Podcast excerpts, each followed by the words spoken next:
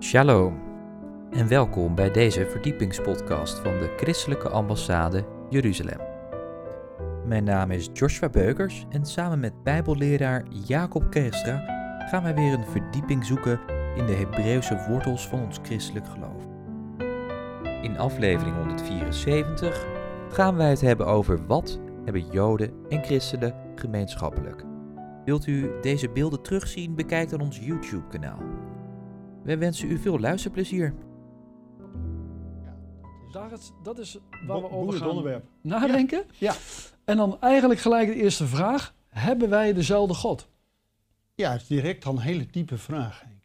Want daar begint het natuurlijk mee. Hè? Je kunt het allemaal over een godsdienst hebben, maar welke God wordt aanbeden? Ehm, er wordt natuurlijk vaak gezegd, oh, die God van het Oude Testament, oh, dat is zo'n oorlogzuchtige God die altijd wraak heeft en eh, weet je wat. Maar het Nieuwe Testament, daar komt de God van liefde en verzoening naar voren. Nou, de Bijbel is één. Ja. En wij hebben een God die aan het begin van de Bijbel niet iets anders zegt dan aan het eind van de Bijbel. Want anders zou God niet te vertrouwen zijn. Dan is hij niet betrouwbaar. En dan kun je ook niet in God geloven. Want als hij niet betrouwbaar is, houd er dan maar mee op. Dus God is dezelfde. En weet je wat nou het mooie is? Dat wij als gelovigen uit de volkeren, christenen, wij leren van Israël dat we niet zomaar een God hebben. Want alles en iedereen heeft een God. En voordat je weet heb je een afgod. Maar wij leren van Israël dat we een God hebben die een naam heeft. Weet je wat God voor naam heeft? Hij wordt in de Bijbel genoemd. Dus al als hij zich aan Abraham en later aan Mozes bekend maakt, Hm. dan zegt God tegen Mozes: Ik ben de God van Abraham, de God van Isaac, de God van Jacob. Ja. En dit zal mijn naam zijn voor eeuwig. Nou, hoe lang duurt eeuwig? Voor altijd. Nou, dat betekent dat God dus in het Nieuwe Testament niet een andere naam heeft. Het is wel dat we door Jezus, dat wij erbij mogen komen. En dat wij dus ook door Jezus diezelfde God leren kennen en hem zelfs Abba Vader mogen noemen. Hm. Maar ik vind het zo bijzonder dat we door Israël, door de Joden, en dat vind ik echt een gemeenschappelijk iets, dat we dezelfde God hebben die notabene een naam heeft. De God van Abraham, de God van Isaac en de God van Jacob. En weet je wat, dan, wat ik dan weer zo bijzonder vind? Abraham is het beeld van de vader. Abraham die ging op weg, ging het land in bezit nemen. Isaac deed dat helemaal niet. Isaac is het type van de zoon. Zoals ook Jezus, hè, beeld van de zoon, die deed niks. Tenzij hij het zijn vader zag doen. Zoals Isaac, die hoefde niet naar vrouwen te zoeken, hoefde geen bruidschat te zoeken, hoefde het land niet meer in te nemen. Dat had zijn vader al gedaan. En Jacob is het type dat, van de Heilige Geest. Dat is van Jacob naar Israël, dat is een transformatie, wedergeboorte, door de Heilige Geest. Dus dat God zich noemt een God van Abraham, Isaac en Jacob, is een parallel dat God de Vader, Zoon en Heilige Geest tot ons spreekt. Mooi, Nou, mooi. een geweldige samenhang. En hebben wij dan ook dezelfde Bijbel? Ja, dat is ook weer zo'n goede vraag. ja, ja, nou laten we zeggen, de eerste drie kwart hebben we hetzelfde. Wat we Oude Testament noemen, maar weet je, het Oude Testament is niet oud en er is geen testament. Israël noemt dat Tenach, onderwijzing van God. Het is zijn leefregels tot het eeuwige leven. Nou, en wij als christenen hebben het, wat we noemen Oude Testament, anders ingedeeld. We hebben wel precies dezelfde aantal boeken in het Oude Testament, maar we hebben ze anders ingedeeld. Wij hebben gedacht, nou, God is ooit met Israël begonnen en toen naar het beloofde land en toen en toen en toen en toen. Hè? Een beetje en toen en toen en toen. Dus we hebben het historisch ingedeeld. Maar als we naar Israël gaan, dan leer ik daarvan dat ieder Bijbelboek is niet alleen de onderwijzing van God, maar is ook profetie. Ja. Als je die boeken als Josia, Richter en Rut, die wij onder de historische boeken noemen, ja, dan is natuurlijk ooit een Josia geweest die het eh, land, eh, het volk, het beloofde land in heeft gebracht. Denk ja, maar wat hebben wij er nou aan?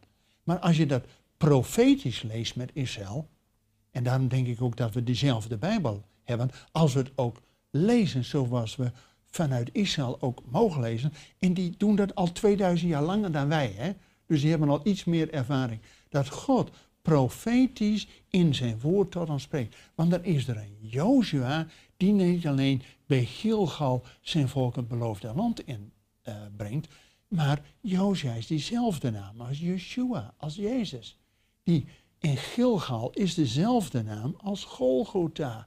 Hé, hey, dan zie je toch dat wij door Jezus via Golgotha het beloofde land ingaan. Het koninkrijk van God binnengaan. En dan denk ik, als wij nou eens leren van Israël dat we dezelfde Bijbel hebben, nou dan zijn we al een heel eind verder.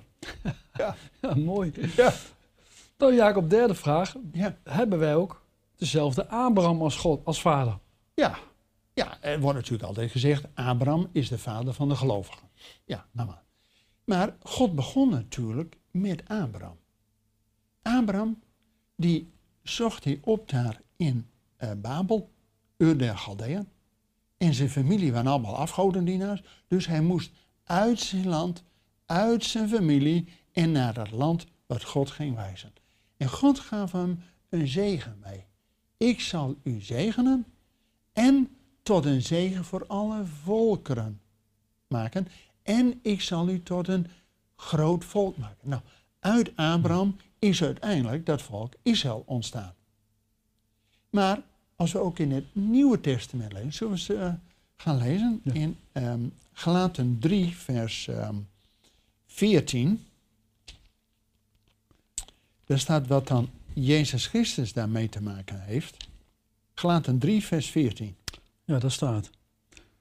Zo is de zegen van Abraham tot de heidenen gekomen in Jezus Christus, opdat wij de belofte des geestes ontvangen zouden door het geloof. Amen. Dus wat staat hier, even in wat uh, gewoon Nederlands, dat we door Jezus Christus zijn ook wij kinderen van Abraham geworden. En delen in die zegen van Abraham. En krijgen we nog een toegift. Dat door Jezus, dat we dan ook de belofte van de Heilige Geest mogen ontvangen. Zodat we ook nog snappen wat God in zijn woord beloofd heeft. Dus dat Abraham, en wat dat was natuurlijk de vraag, hebben wij dezelfde uh, Abraham als vader? Ja, Israël natuurlijk heel biologisch, hè, want het is letterlijk de standvader van Israël. Maar wij mogen door Jezus, het geloof in Jezus, zijn ook wij kinderen van Abraham. Dus Abraham wordt dan ook de vader van alle gelovigen genoemd. Hmm. Dus we hebben dezelfde geloofsheld tot vader. Ja, dus dat is ook weer wat we gemeenschappelijk hebben met Israël. En wat is dan precies de zegen van Abraham? Ja, nou, in, in, uh, sorry, in Genesis 12 zegt God al, ik zal u zegenen. Wie u zegent? Ja. Ik zal u tot een groot volk maken en u zal tot een zegen voor alle volken worden. Wauw. Alleen, nou komt hij. God heeft dus, wat heeft hij beloofd aan Abraham? Een land en een volk.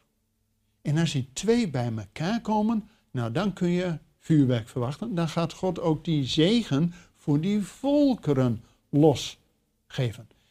Toen Abraham, Isaac en Jacob, hè, dat waren nog eenlingen. Pas na Jacob zijn er twaalf, hè, de twaalf stammen. Maar die zijn allemaal eerst naar Egypte gegaan. Hebben 400 jaar in Egypte ja, gezeten. Op laatst was het allemaal nog slavendienst. Hm. Maar toen Israël voor de eerste keer terugkwam in het land, dus waar land en volk bij elkaar komt, de zegen voor Israël. Maar wat heeft dat voor ons? Hè? Want die vroeg over, wat is dan die zegen van Abraham voor ons? Ja. Nou, dan, toen Israël voor de eerste keer in het land kwam, wat voor zegen hebben wij ontvangen? Toen hebben wij Gods woord gekregen. Want toen Israël in het land was, waren die richteren, de profeten, die schreven Gods woord. En daar zijn wij mee gezegend, het woord van God. Mhm. Alleen, dan komt hij, Israël deed ook niet altijd wat God in zijn woord had beloofd. Maar als we wijzen naar Israël, dan wijzen de drie naar ons. Hè? Dus wij deden ook niet altijd wat God beloofd. Maar goed, God zegt, ja, het land is niet van jullie, het land is van mij. En als jullie je niet houden aan mijn geboden, dan zal ik jullie uit het land parkeren, zodat mijn land die sabbatsjaren rust krijgt. Dus moest Israël 70 jaar naar Babel. Gelukkig stond er ook in Jeremia al geprofiteerd, na 70 jaar zullen ze terugkeren. Amen. Dus toen Israël voor de tweede keer terugkwam in het land, we hebben nog steeds over die zegen van Abraham, hè? dat land en volk bij elkaar komt. Nou, hartstikke mooi dat Israël weer terug is in het land. Amen. Ja. Wat heeft dat voor ons te betekenen? Welke zegen hebben wij gekregen toen Israël de tweede keer in het land kwam? Toen hebben wij Gods Zoon en Gods Geest gekregen. Amen. Jezus is drie, eh, drie keer veertien ges- geslachten, 100% Joods. Is pas gekomen toen Israël de tweede keer in het land kwam. En direct na Jezus ook de uitzending van de Heilige Geest. Dus we hebben al drie zegeningen door Israël, door de stamvader Abraham gekregen. Gods woord, Gods zoon en Gods geest. Nou, dan denk je, we hebben alle zegen ontvangen. Amen. Weet je wat nou zo bijzonder is in deze tijd? En we hebben ook een vorige aflevering gehad over herstel van Israël Ja. en opwekking, weet je nog? Dat ehm, nu Israël voor de derde en laatste keer in het land is. Want God zegt in Jesaja 11, ik zal u ten tweede male terugbrengen. Nou, nu Israël terug is in het land, weet je welke zegen wij kunnen verwachten? Geen idee. We hebben alle zegen al. We hebben Gods woord al, we hebben Gods zoon al en Gods geest al. Dus alles om tot behouden is. Maar welke zegen is er nu voor de wereld? Nu Israël terug is in het land, heeft alles te maken met de komst van de Messias. Amen. Ja, Dat is mooi, ja. dat is de zegen die we nog open hebben staan. Ja. Meer dan 300 keer geprofiteerd in Gods woord. En natuurlijk ook al geprofiteerd dat God zijn volk gaat herstellen. Nou, maar Gods volk moet eerst hersteld worden, zodat dat ook tot zegen voor de volkeren kan zijn. Nou, dat is onderdeel van die zegen van Abraham. En weet je wat mooi is? Ja. Er staan 109 profetieën over de eerste komst van Jezus. Die Ja. zijn allemaal vervuld. Ja. En net wat je zegt, die 329 profetieën over de tweede komst. Wij weten dat die ook vervuld gaan worden. En daar kunnen we ook van uitgaan. Ja. Ja. Want de Bijbel bewijst natuurlijk daarin zichzelf. Jacob, nog iets. Hebben wij, ehm, ja, hoe moet ik dat zeggen? Eh, wij hebben toch andere geboden dan Israël? Ehm, ja, dat zou je in eerste instantie denken. Ja. Want Israël heeft dat Oude Testament daarna natuurlijk helemaal uitgeplozen. Hè? Van oh, wat mogen we wel, wat mogen we niet. En dan komen ze op 613 geboden. Ja, ja. Dat zijn er nogal niet wat. Er zijn er nogal wat. Maar heel veel kunnen ze nu niet houden, omdat dat allemaal te maken heeft, meer dan 400, hebben te maken met de tempeldienst. En de tempel is er nu niet. Dus ze kunnen nu die offers niet doen. Maar weet je, dat de eerste vijf boeken van de Bijbel, wordt ook wel de Torah genoemd, Ja. ook wel de vijf boeken, de wet, die hè, met Genesis, Exodus, De vijf en- boeken van Mozes. vijf boeken van Mozes. Maar weet je dat precies in het centrum daarvan, daar staat het grote gebod, heb je naaste lief als jezelf, want ik ben de Heer. Hm. En dan wordt aan het eind van die vijf boeken, vijf, eh, de Torah, de geboden van God, wordt in Deuteronomium, wat wij natuurlijk ook vertalen met tweede wet, hè, Deutero is de tweede, nomos is wet, dus twee, nou, dat is in wezen de samenvatting van de wet. Weet je wat in Deuteronomium 6 vers 4 staat? Heb God lief boven alles. Weet je, als je die, die, die geboden van God, eigenlijk zijn die samen te vatten, en dat is precies wat onze Heer Jezus doet. Hè? Als aan Jezus gevraagd wordt, Rabbi, wat is nou het grote gebod? Ja. Dan zegt Jezus, hoor Israël, de Heer is God, de Heer is één. En je zult de Heere God liefhebben met alles wat in je is, en je naaste als jezelf. Dus eigenlijk al die 613 geboden van Israël zijn samen te vatten in die twee die we ook in het christendom hebben. Ja. Heb God lief boven alles en je naaste als jezelf. Dus hebben wij andere goden als Israël? Nee, dat hebben we gemeenschappelijk. Ja. Ja. Ja. Ja, dat vind ik heel bijzonder. En hoe krijgen Joden Ja. en christenen, hè, we zien hier die mooie afbeelding, hoe krijgen die verzoening? Ja. Maar mag ik nog één ding aanvullen op zo net? Ja. Over die geboden. Ehm, heb je wel eens ehm, gelezen in Galaten 6 vers 2 dat er ook een gebod van Jezus is? Jezus heeft ook een gebod.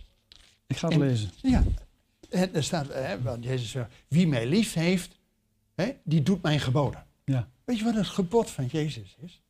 Hoor je nooit over preken. staat in Galaten 6 vers 2. Ik lees het. Verdraagt elkanders moeilijkheden.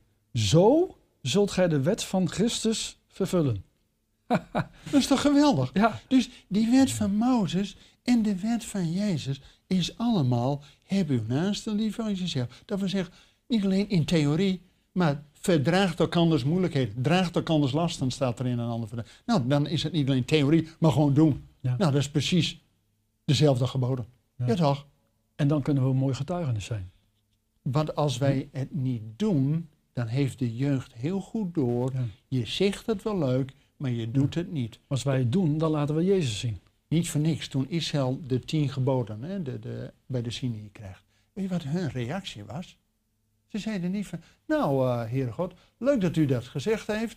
Eh, we gaan eens over nadenken. Hm. We gaan gespreksgroepen vormen. En dan eh, kijken we, heeft God wel gesproken? Of misschien niet. En dan over een jaar hebben we eh, dit soort rapporten. En dan zijn er twee kampen. Eén zegt, ja, God heeft gesproken. Dan zegt, ja, ik weet het ook niet. Nou, dan heb je mooi een alibi om niks te doen.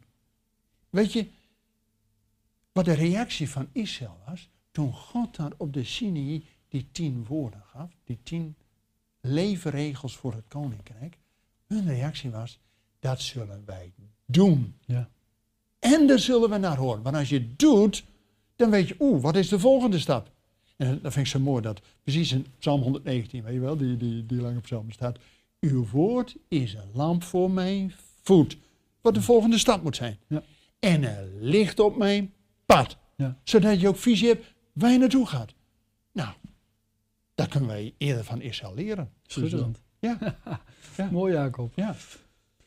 Nou, nu Maar- de vraag. Hè? Ja, maar jouw vraag was natuurlijk, Krijgen Joden en Christen verzoening? Ja, dat is, een, Ja. dat is ook weer zo'n hamvraag. Hè? Ja, je bent goed in vragen, eh, Henk. Maar verzoening, weet je dat al die 613 geboden van Israël, de meerderheid heeft te maken met offers in de tempeldienst.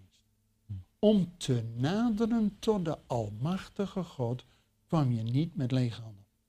Ten eerste om de Heer een dankoffer te geven voor wat hij jou ingezegend heeft. Maar ook als er iets tussen jou en je naaste of tussen jou en God in is, zonde noemen we dat, of ongerechtigheden, dan geeft God een heel Bijbelboek, Leviticus, die precies in het centrum van die Torah is, om herstel, om verzoening te geven. Het begint met een zoenoffer, met een verzoenoffer. En dat ging allemaal met het bloed van het lam.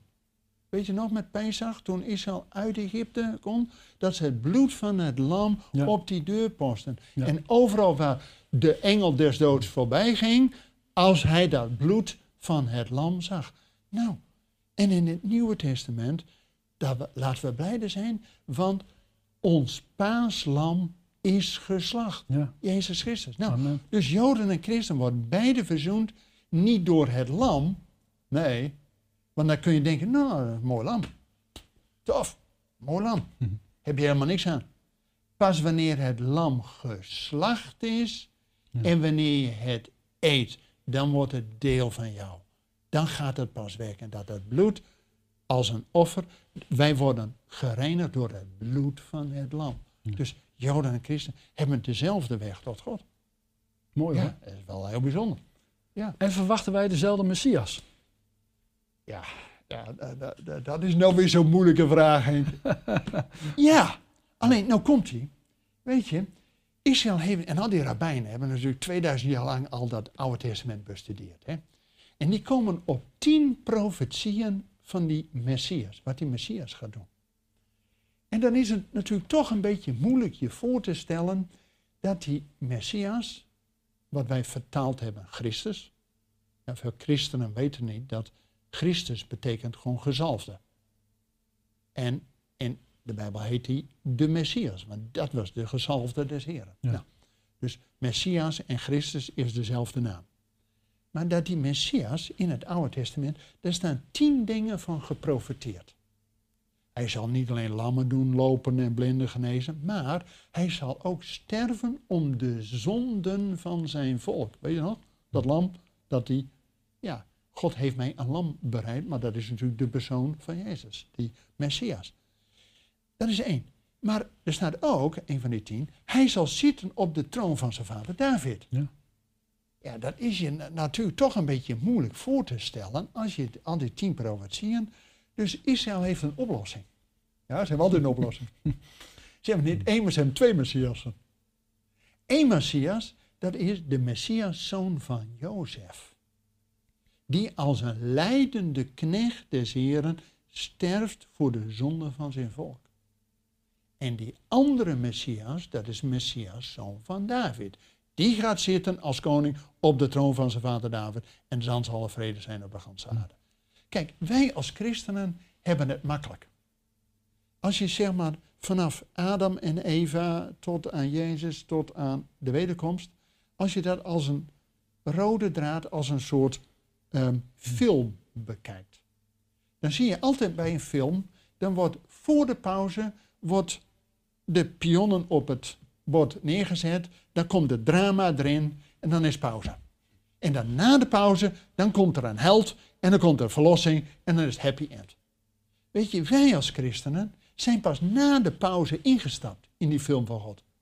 Israël was al 2000 jaar lang bezig Ja, met dat hele verhaal van God. En ja, dan heb je even pauze en dan komt die. En daarom hebben wij het als christenen zo makkelijk. Wij zijn pas na Jezus, na de uitstelling van de Heilige toen zijn wij pas erbij gekomen. Dus voor ons is die eerste komst van Jezus, ja, die was al gebeurd. Ja. Snap je? Dus Jezaja 53, de leidende knecht des Heren, dat is voor ons direct de lam ter slachting. Dat was Jezus. We kunnen één op één dat duiden. Voor Israël is dat de Messias, zoon van Jozef. Maar ze verwachten nog die Messias, zoon van David. Maar dat is precies dezelfde die wij ook verwachten. Maar Dat- weten hun dan niet dat het om dezelfde Jezus gaat? Nog niet. Nee, dat is een goede vraag. Dat weten ze nu nog niet. Want ze komen natuurlijk er wel achter met de profetieën uit Daniel over die 70 jaarweken van Israël. Ja. Dat er na 63 jaar zal er een Messias gedood worden zonder dat er iets tegen hem is.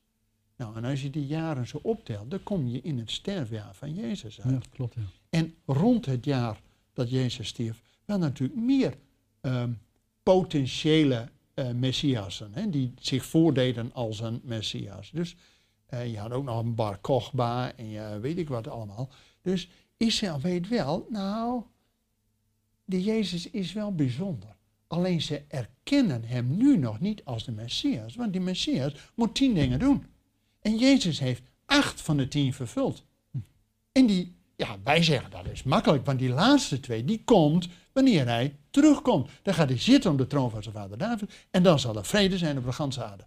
Ja, voor ons is dat duidelijk ons toekomstbeeld. Ja. Maar voor Israël, zij kunnen hem pas erkennen als hij al die tien dingen die geprofiteerd zijn in het Oude Testament zien doen. En Jezus heeft acht van de tien vervuld. Er is nog nooit iemand geweest die acht heeft gescoord. Hè? dus hij is een potentiële kans hebben. Maar we weten ook uit Zachariah 12 dat God, wanneer hij zijn volk herstelt, dat hij zijn geest van genade en gebeden over zijn volk gaat uitstorten. Zachariah 12. En dan zullen ze zien wie zij doorstoken hebben. En een rouwklacht aan hebben. Dus op Gods tijd gaat God openbaren wie hun eigen Messias is.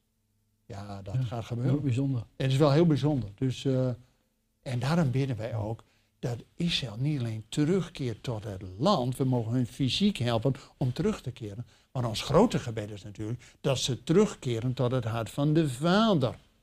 Want we hadden al met de eerste vraag begonnen. We geloven in dezelfde God Ja. van Abraham, Isaac en Jacob. Ja. En dat wij door Jezus geen bijwoners en vreemdelingen meer zijn, maar erbij zijn gekomen. Nou dan, en als we al die zegen al via Israël ontvangen hebben, dan roept de Bijbel op om ons ook ja, materieel in te zetten om hen te zegenen. Ja. Ja. Jacob. Dat hangt allemaal met elkaar samen. Jacob, we hebben de overeenkomsten gezien. Ja. Maar zijn er ook nog verschillen tussen Joden en christenen? Ja. Hè, bijvoorbeeld Jesaja 53. Kun je er iets over zeggen? Ja, Nou ja, we hadden natuurlijk al dat eh, de Messias, hè, dat is natuurlijk toch een verschilpunt.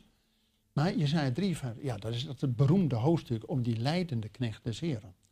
En Israël leest dat natuurlijk ook eh, gewoon in hun synagoges, ieder jaar weer.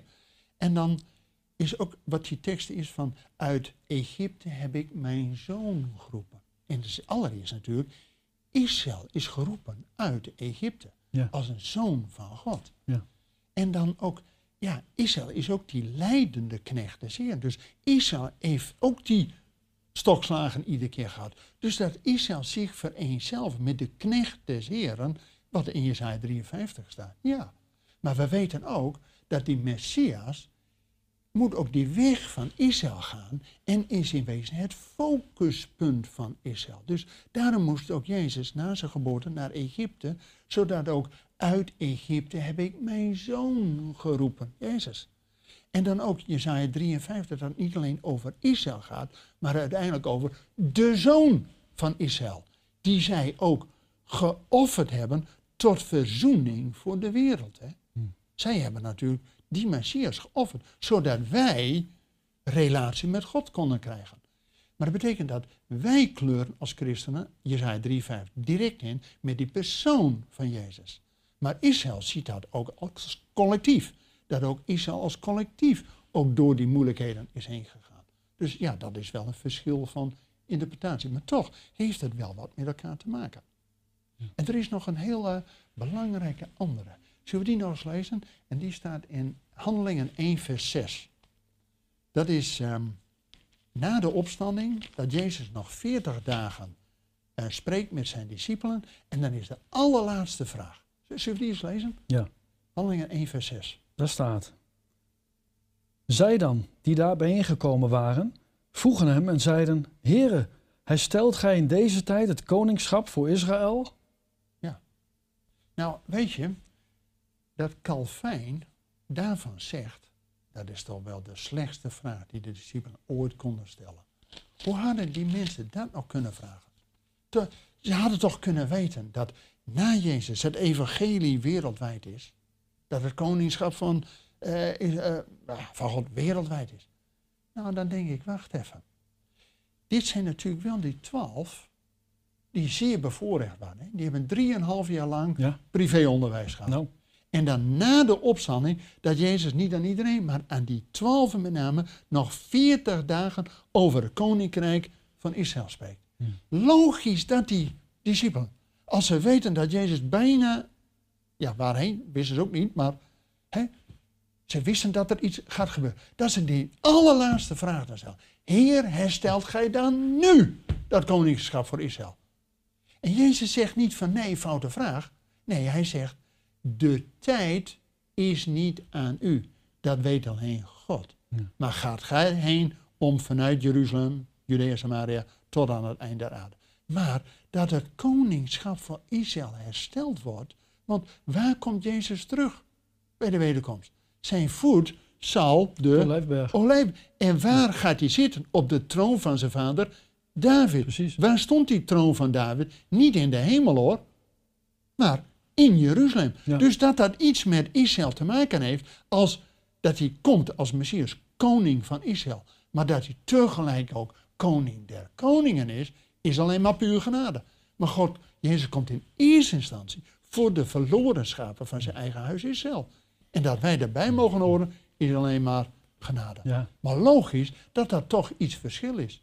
Dat wij als christen denken, ah, het evangelie is toch wereldwijd, wat hebben we nou met Israël te maken? Maar de laatste vraag van de discipelen, de eerste evangelisten was, jongens, het heeft alles te maken met het herstel van Israël. En daar wordt het koningschap voor, voor Israël en voor Jezus vanuit, want vanuit Jeruzalem zal de wet uitgaan. En vanuit Sion zal het woord des Heeren uitgaan. Dus dat heeft alles met Israël te maken. Ja, mooi.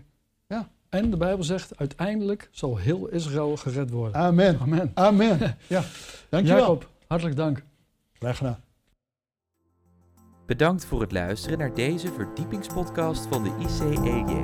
Waardeert u onze podcast? Steun ons dan. Dat kunt u doen door een donatie of door deze podcast te delen met uw vrienden of familie. Meer informatie hierover vindt u op icej.nl. Volgende week volgt er uiteraard weer een nieuwe aflevering van deze verdiepingspodcast. Luistert u weer met ons mee? Ik hoop van wel. Bedankt voor het luisteren en tot volgende week.